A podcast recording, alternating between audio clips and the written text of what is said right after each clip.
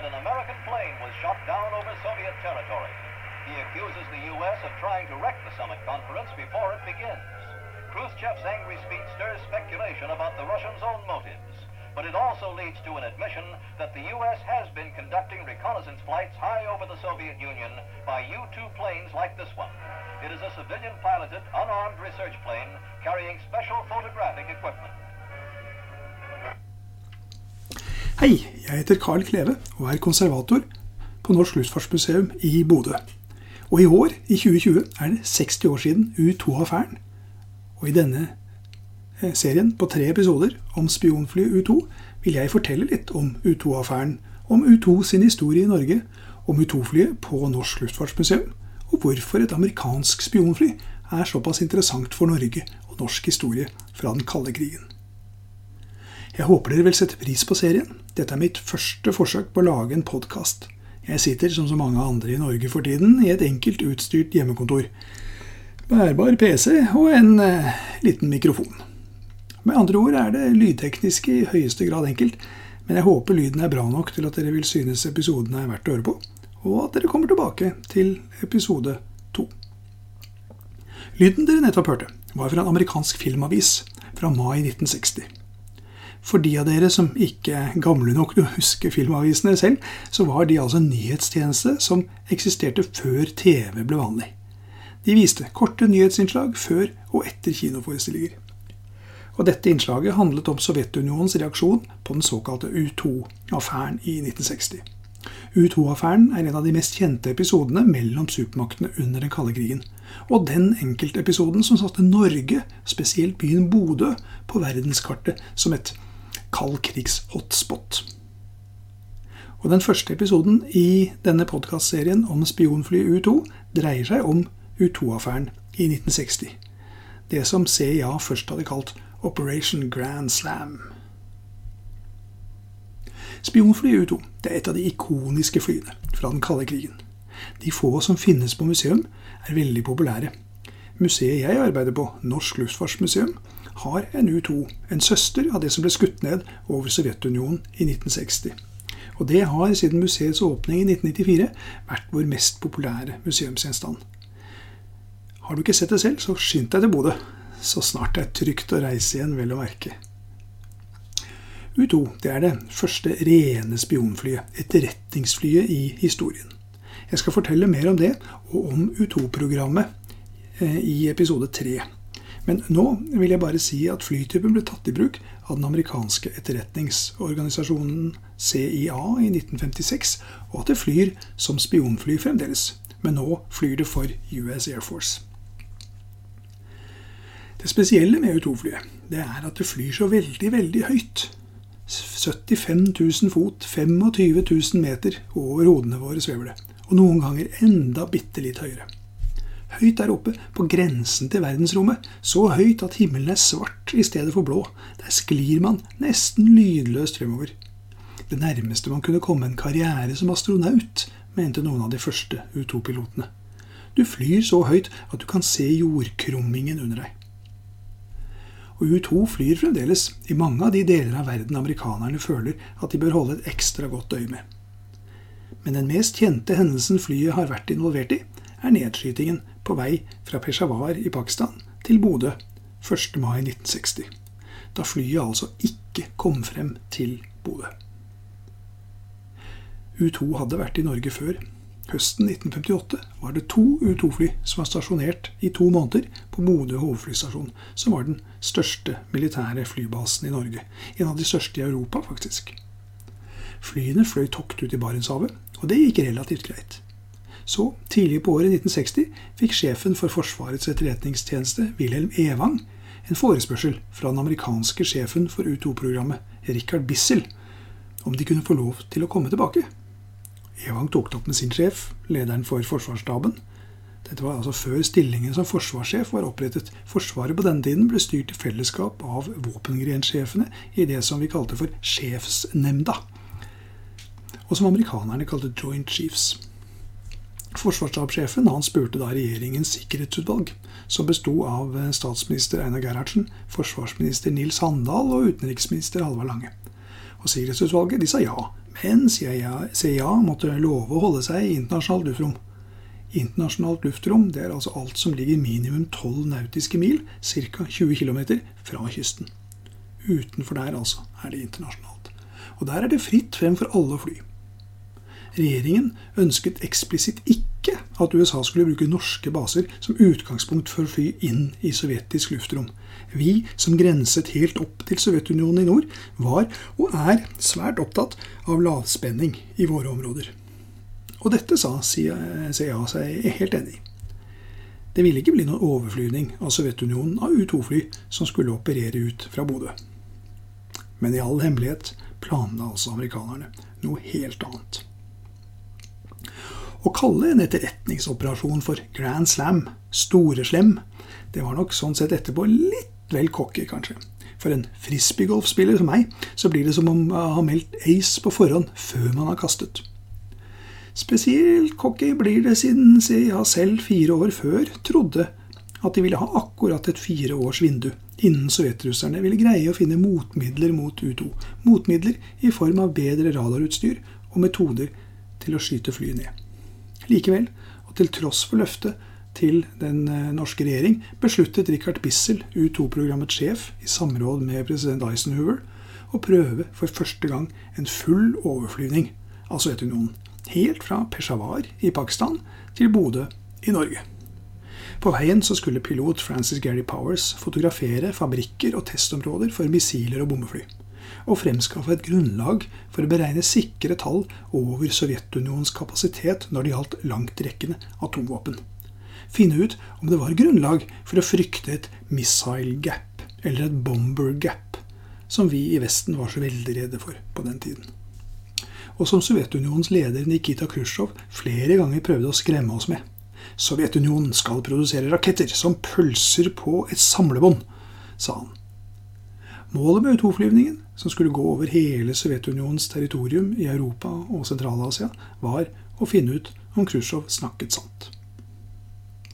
Flyet tok av tidlig tidlig om morgenen 1. mai. Piloten var den veldig erfarne Francis Gary Powers. Han var også i Bodø i 1958. CIA visste på den tiden at slike risikable overflyvninger nærmet seg slutten.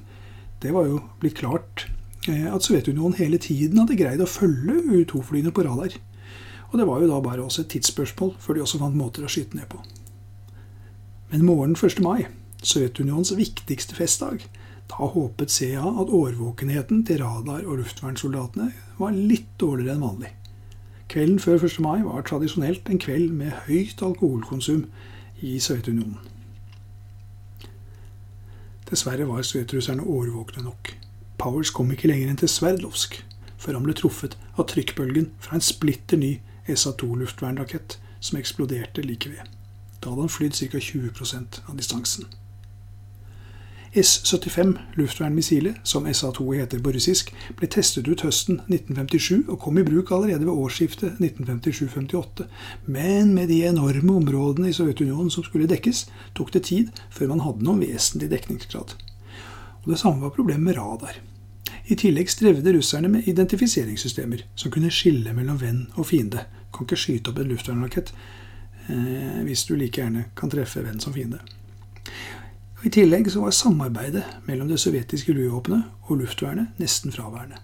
Flyvåpenet følte at Sovjetunionens leder Nikita Khrusjtsjov foretrakk missiler.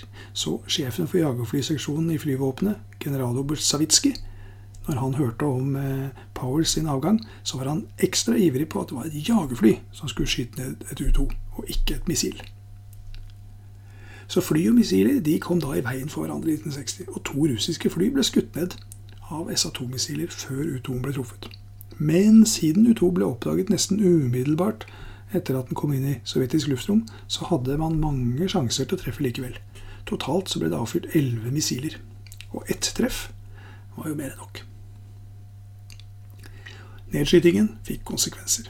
USA og Sovjetunionen skulle møtes i en nedrustningskonferanse samme sommer. Khrusjtsjov møtte opp, holdt en tordentale før han dro rett hjem igjen. Det ble et tøffere klima mellom øst og vest. Slutt på tøværet det tente som hadde vart siden Stalin døde i 1953. For Norge representerte dette en vekker. Siden våpenhjelp og infrastrukturprogrammene hadde begynt i 1952, hadde den kalde krigen kun betydd arbeidsplasser og økonomisk vekst i Norge, særlig i Nord-Norge, hvor massevis av militære anlegg hadde blitt bygget for amerikanske penger. Men nå oppdaget vi brått at den kalde krigen faktisk også var skumle greier, og for Bodø ble episoden en del av byens identitet. Sovjetunionen brukte U-2-nedskytingen som en gedigen propagandasak. Ikke bare hadde man skutt ned et fly som tidligere hadde vært usårbart, de hadde i tillegg faktisk tatt piloten i live. For Francis Gary Powers han døde ikke i nedskytingen. Han rakk å skyte seg ut og dalte rolig ned til bakken mens han så flyet sitt krasje under seg. På bakken ble han umiddelbart tatt til fange av lokale bønder som hadde sett det hele. Sovjetunionen håndterte dette her ganske godt. De slapp informasjonen i biter. Etter noen få dager annonserte de at et amerikansk fly var skutt ned i sovjetisk luftrom. USA nektet først at de hadde noe fly i området. Deretter sa de at det hadde vært et sivilt, ubevæpnet forskningsfly, slik som det ble nevnt på den lille lydfilen vi hørte eh, først i episoden. Eh, og når amerikanerne annonserte det, så anklaget de da Sovjetunionen også for et grovt overtramp. Man skyter da virkelig ikke ned sivile, ubevæpnede fly. Men 5. mai avslørte sovjetrusserne at de hadde piloten, han var fanget i live, og hadde innrømmet at han fløy et spionfly. Og flyets kamera med masse bilder var også berget. 11. mai blir flyet stilt ut i Gorkiparken i Moskva, sentrum flyvraket. Nato-landenes ambassadører blir spesielt invitert til å se. Sommeren 1960 ble Francis Gary Powers stilt for retten i Moskva og dømt til ti års fengsel for spionasje. Rettssaken ble bredt dekket i pressen, særlig det faktum at han skulle lande i Bodø. Såpass langt unna utgangspunktet. Sovjetunionen publiserte alt som ble sagt under rettssaken i et lite hefte som ble utgitt på mange språk etterpå. U2 Powers-saken heter det heftet på norsk. Jeg sitter med det i hånden akkurat nå. Den norske ambassadøren i Moskva ble innkalt til Utenriksdepartementet eh, i Moskva 5. mai og fortalt om nedskytingen, og at piloten hadde sagt at han var på vei til Bodø. En by russerne for øvrig godt visste at U2-fly hadde besøkt før. Vår ambassadør han nektet for det hele. Han ante ingenting om U2-flyet uansett. Ingen hadde fortalt han noe, så han eh, var troverdig når han nektet. Men Sovjet var røffe, sa klart fra om at dersom Norge tillot USA å stasjonere fly på norske baser som derfra fløy inn i sovjetisk luftrom, da ville de norske basene, fortrinnsvis Bodø, bli bombet umiddelbart med atomvåpen. Første gang vi hadde vært direkte truet av Sovjetunionen med å bli bombet. Sovjetunionen krevde også at Norge skulle melde seg ut av Nato. Men å melde seg ut av Nato var selvsagt ikke aktuelt. Men det ble slutt på å tillate allierte etterretningsfly i Norge et par års tid. Og vi skjerpet våre spesielle restriksjoner på alliert aktivitet. Det skulle ikke igjen være mulig å bruke norske baser på denne måten. Og den amerikanske ambassadøren i Oslo skrev en unnskyldning som utenriksminister Lange leste opp i Stortinget. Norske politikere og de ansvarlige i Forsvaret gjorde etter dette sitt beste for å dekke over det hele og minimere norsk involvering i U2-programmet. NRK laget et TV-program om saken i 1970. Det programmet presset faktisk regjeringen NRK til å droppe. I stedet ble det sendt på svensk TV i 1972. Og der eh, sier bl.a. statsministeren fra 1960, Einar Gerhardsen, og forsvarsminister Handal de sier at de ante ingenting om noe fly som het U2 før denne nedskytingen. Og det var jo ikke helt sant. Forsvarsdepartementet satte allerede 12. mai 1960 i gang en indre granskning.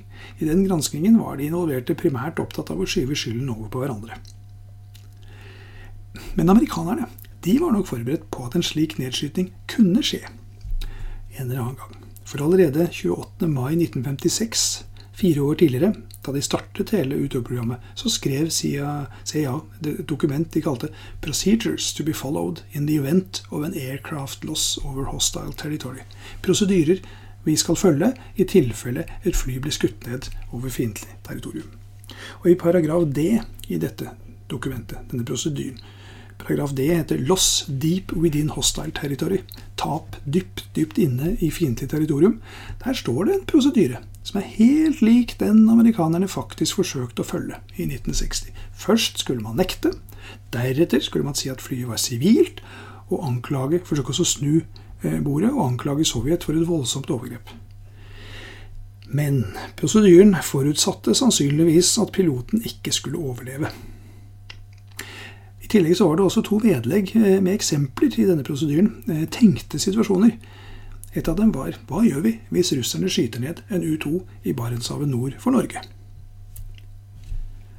Så man var forberedt, ja. Og to måneder etter U-2-nedskytingen så ble det faktisk skutt ned et annet etterretningsfly i Barentshavet nord for Norge, Norge en RB-47. Så da ble det ekstra stor spenning. Wilhelm Evang, sjefen for den norske etterretningstjenesten, den militære etterretningstjenesten, og den som CIA hadde kontakten med, han døde uten å ha fortalt noe om hva han visste. Mange mener at han visste ganske mye om U2, siden samarbeidet mellom Forsvarets etterretningstjeneste og CIA i hans direktørtid var tett og omfattende, men eh, det får vi aldri vite. Året etter nedskytingen, i 1961, ble Francis Gary Powers utvekslet mot en sovjetisk spion som het Rudolf Abel, som amerikanerne hadde arrestert. Powers han kom dermed tilbake til USA ett år etter at han ble skutt ned. Han gikk gjennom en omfattende debrief av CIA, og deretter sluttet han som militærpilot. Mange mente nok at han burde tatt livet av seg, i stedet for å bli tatt til fange. Han hadde en giftkapsel på seg, rundt halsen. Alle U2-pilotene i CIA-programmet hadde det, men de hadde ingen instruksjoner om å bruke den i slike tilfeller. Så Powers han gjorde ingen feil. Likevel hang skyggen over ham helt til han døde i en helikopterulykke i 1977. Spionutvekslingen den skjedde for øvrig på det som mange kalte for spionbroen mellom Vest-Berlin og den østtyske byen Potsdam. I dag er broen Glienicke-broen, som den egentlig heter, en helt vanlig bro over en av Berlins, Berlinområdets mange kanaler mellom to fredelige boligstrøk. Men den er likevel vel verdt et besøk hvis du har lyst til å gjenoppleve et spennende møtepunkt mellom øst og vest under den kalde krigen. Og vraket av det nedskutte U-2-flyet, hva skjedde med det? Jo, det havnet på museum i Moskva. Først ble det, som jeg nevnte, stilt ut eh, prominent i Gorkiparken sentralt i Moskva.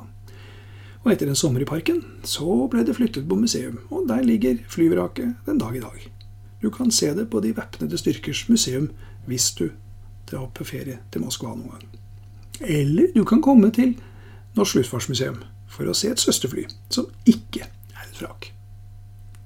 For øvrig, selv om Operation Grand Slam ble en fiasko, så var U2-programmet som helhet en stor suksess. At Sovjetunionen liksom skulle ha et stort overtak på oss i Vesten i bombefly og atomraketter, det viste seg jo at det stemte slett ikke. Tvert imot så lå de et lysår bak. Fotobevisene for dette, det skaffet U2-flyene oss. Og jeg sier oss, for USA deler som regel slik vital etterretning med Norge og vi med dem. I neste episode så skal vi se nærmere på de gangene hvor U2 faktisk var i Norge. Inntil da, takk for meg, og håper at du har eh, hatt eh, utbytte av denne lille historien om U2-affæren.